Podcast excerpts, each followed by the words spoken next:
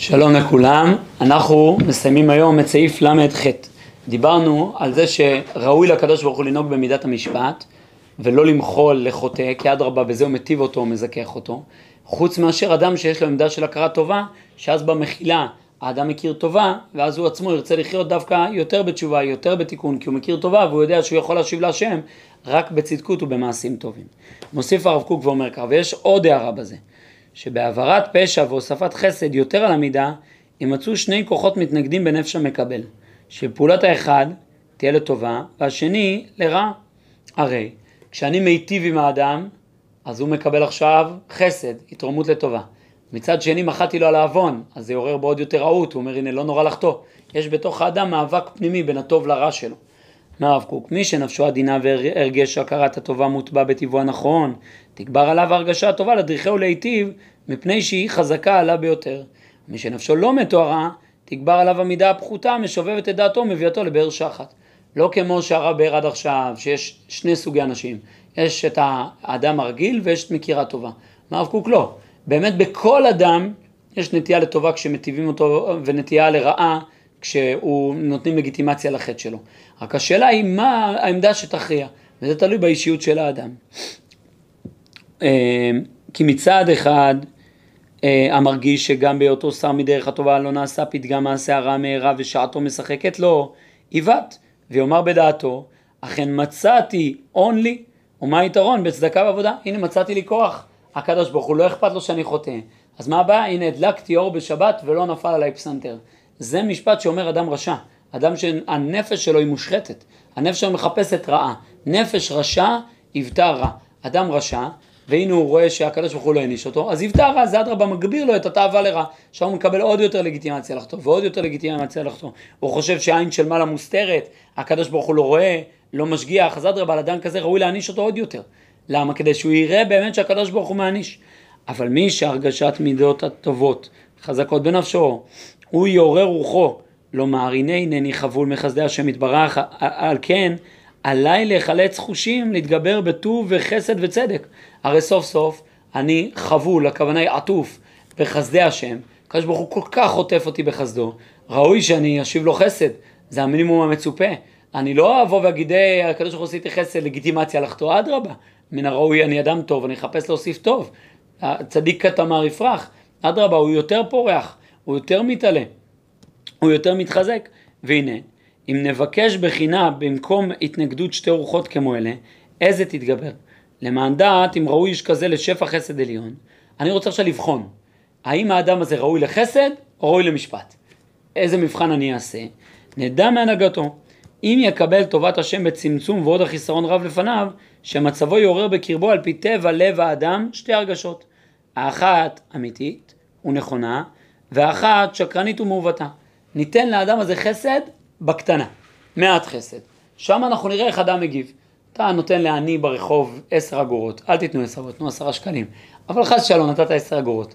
אם אתה רואה עני שבא ואומר תודה רבה, אני הגון. אם אתה רואה עני שמתחיל לצעוק עליך, איך אתה לא מתבייש, לתת לי רק עשר אגורות, יכול להיות שהוא באמת עני. אבל זה, זה מידה לא טובה, זה סימן לא טוב. בעצם, כשאני נותן חסד קטן, שם נבחן האדם. כי באמת יש פה צד חסד, נתתי חסד, ויש פה צד רע, נתתי רק מעט. אז פה נבחן האדם איך הוא רואה, על מה הוא שם דגש, כמו שהפנינו אתמול אה, לברכות ב', פרק ט', סעיף רפ"ז, שם הרב קוק אומר שאדם שהוא אורח טוב, הוא באמת רואה טובה בכל מה שנותנים לו. אורח רע הוא רואה רעה בכל מה שנותנים לו. מסביר הרב קוק, אורח טוב ואורח רע, כאן היה אורח עם מידות טובות ואורח עם מידות רעות. לא אורח עם הכרה טובה, אלא מי שאישיותו טובה רואה טוב, מי שאישיותו רע רואה רע. אומר הרב קוק, מצד הטוב שהשיגה ידו, יתעורר בטבע להודות להשם חסדו. אבל ההרגשה ברוב חסרונו יכבה זה ההרגש, ובלב תתגלב תלונה חרישית. האדם קיבל מעט אה, טוב מהשם. מצד אחד הוא רוצה להגיד תודה להשם, מצד שני הוא שואל למה רק מעט הטוב הזה.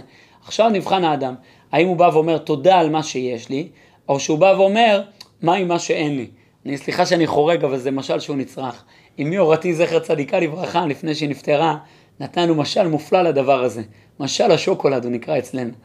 שהורה נותן לילד שוקולד. ילד טוב, קלאסי, שמקבל שוקולד, אומר אני רוצה עוד אחד.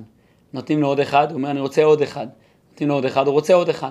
שאלה אותנו כמה שוקולד הילד קיבל, לא יודע, תלוי כמה בסוף הוא קיבל. היא אמרה, לא נכון. הילד הזה לא קיבל אפילו שוקולד אחד.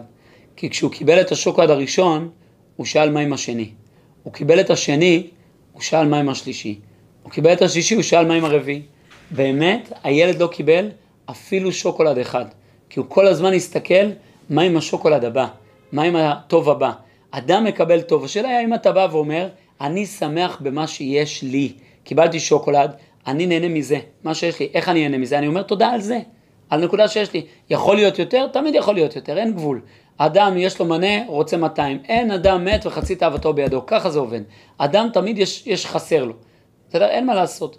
לכן באמת, הדרך היחידה ליהנות מהעולם הזה, ככה תיארה לנו את זה מאוד יפה, לשמוח, לחיות, זה רק כאשר מה שיש לי אני יודע להכיר עליו טובה. אני לא שואל מה עם הטוב הבא שעוד אין לי אותו.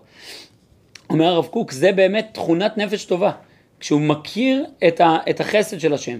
אבל אדם שמרגיש ברוב חסרונו, ככה אמרנו, אה, אני יכול לשאול למה לא חי יותר, למה אין לי עוד, למה אין עוד כסף, תמיד אפשר לשאול למה אין לי יותר מזה, למה אני חולה, למה אני לא בריאה כמו. אני יכול תמיד להסתכל על הצדדים ולראות שיש עוד דשא יותר ירוק, אבל אז אני גם את הדשא שלי הוא לא ירוק, וגם את הדשא של השכן לי, נשארתי בלי כלום. אדם מכיר טובה הוא אדם שיודע לחיות, יודע לחיות בריא. אומר הרב קוק, על כן עם תכונת הנפש הטובה וכשרה, והכיר יחס הבורא יתברך עם נבראיו כראוי, ודאי תתגבר עליו המידה הטובה שהכרת טובה בעד הטוב המושג, כלומר ב- ב- ביחס לטוב המושג, מבלי להרגיש על אשר עוד יחסר לו, כי ידע שכל פעל השם לטובה. רואה, הקדוש ברוך הוא הרי הכל מכוח הקדוש ברוך הוא, מכיר את יחס הבורא והנבראים. מה כאן הכרת יחס הבורא עם נבראיו? תסתכלו באורות התחייה, סעיף א', שיחס הבורא עם הבריאה זה יחס נשמה עם הגוף, הכל מתחיה מכוח השם, כל מה שיש לי השם נתן לי. קדוש ברוך הוא נתן לי את הכל. ממילא, אני מלא בעמדה של טובה. אני, אני כל הזמן רואה כמה שנותן ולא כמה חסר, כי, כי אני לא בא ואומר ברור שמגיע לי יותר. לא, כל מה שניתן הוא בחסדי השם. פותח את ידיך ומשביע לכל חי. הקדוש ברוך הוא עושה איתנו חסד. זה, זה, זה היסוד של האדם כזה. מאיש כזה בטוחים אנחנו שבהתנגד אצלו בית הכוחות, כוח הטובה, כוח הכרת הטובה מכילה, מעבר מזה, על שפע החסד של השם עליו, יותר מהמידה, וכוח הסוער להטות הלב לבלי הבט, אל יושר ומשפט, מפני העברת המשפט שרואה בנפשו. כלומר, יש לנו את המאבק בין כוח הכרת הטובה על זה שהשם משפיע עליו יותר מהמידה, מצד שני יש את הכוח הסוער, המסתער, המתנגד, שהוא להטות הלב לבלי הבט אל יושר ומשפט, מפני העברת המשפט שרואה בנפשו. הקדוש ברוך הוא לא עושה איתי משפט, לא נתן לי כראוי לי, לא נתן את מה שמגיע לי, לא קיבלתי את מה שאני צריך לקבל. אדם כזה יש לו סערה פנימית, אז במתח הזה עליו תתגבר, אצל אדם עם הכרת טובה תתגבר עליו התכונה האמיתית של הכרת הטובה. על כן, בהיות האדם אוכל ושבע ולא ידע מחסור, אין בו כי אם הרגשה טבעית אחת בהיותו ישר. רק הודאה ושבח על אשר עשה השם עמו, טוב וישביעו. כשאדם אכל שבע, זהו. לא יכול לבוא להגיד למה אין לי עוד אוכל, הוא לא רוצה עוד אוכל. אז שם הכרת טובה זה לא חוכמה. שם לא נבחנת עמדת הכרת הטובה, לא נמדדת מצב הנפש. איפה אני עומד במאבק בין הטוב ולרע. אבל, אמנם, בהיותו מוצא כדי סופקו, הוא קיבל את כל מה שהוא צריך בצמצום, אה, סליחה, הוא מוצא כדי סופקו בצמצום גדול, הוא קיבל סיפוק, אבל ככה מאוד מצומצם, מעט מאוד, והוא עודנו רעב, ועם כל זה יודה להשם חסדו על המעט המושג, הוא יודע להגיד תודה על זה, על מה שקיבלתי, ולא רגע אני רוצה עוד, אני מחפש מנה שנייה, האדם הזה ותכבה הרגשת התלונה מפני עוצם הרגשה הטובה של הכרת הטובה, הוא אומר נכון תמיד אני יכול להגיד חסר לי ואין לי וזה לא מספיק וכולי. אבל הוא באמת זה, זה כבוי אצלו זה לא נמצא. כי הוא שמח כל כך מלא ברגשות הכרת טובה על מה שיש. איש כזה ראוי להתנהג עמו בשפע חסד ורוב טוב יותר ממידתו. ומשתי הרוחות המתנגדות הבאות על ידי זה יברר את הטובה על כן רואים ישראל להיות נושא השם פניו להם באותם מברכים גם על כזית ועל כביצה למרות שהם לא שבעים אבל סוף סוף הם אכלו מידה ראויה זהו אף כי עוד לא מצא אדם לסבוע די שובעם. יום טוב, מבורך לכולם.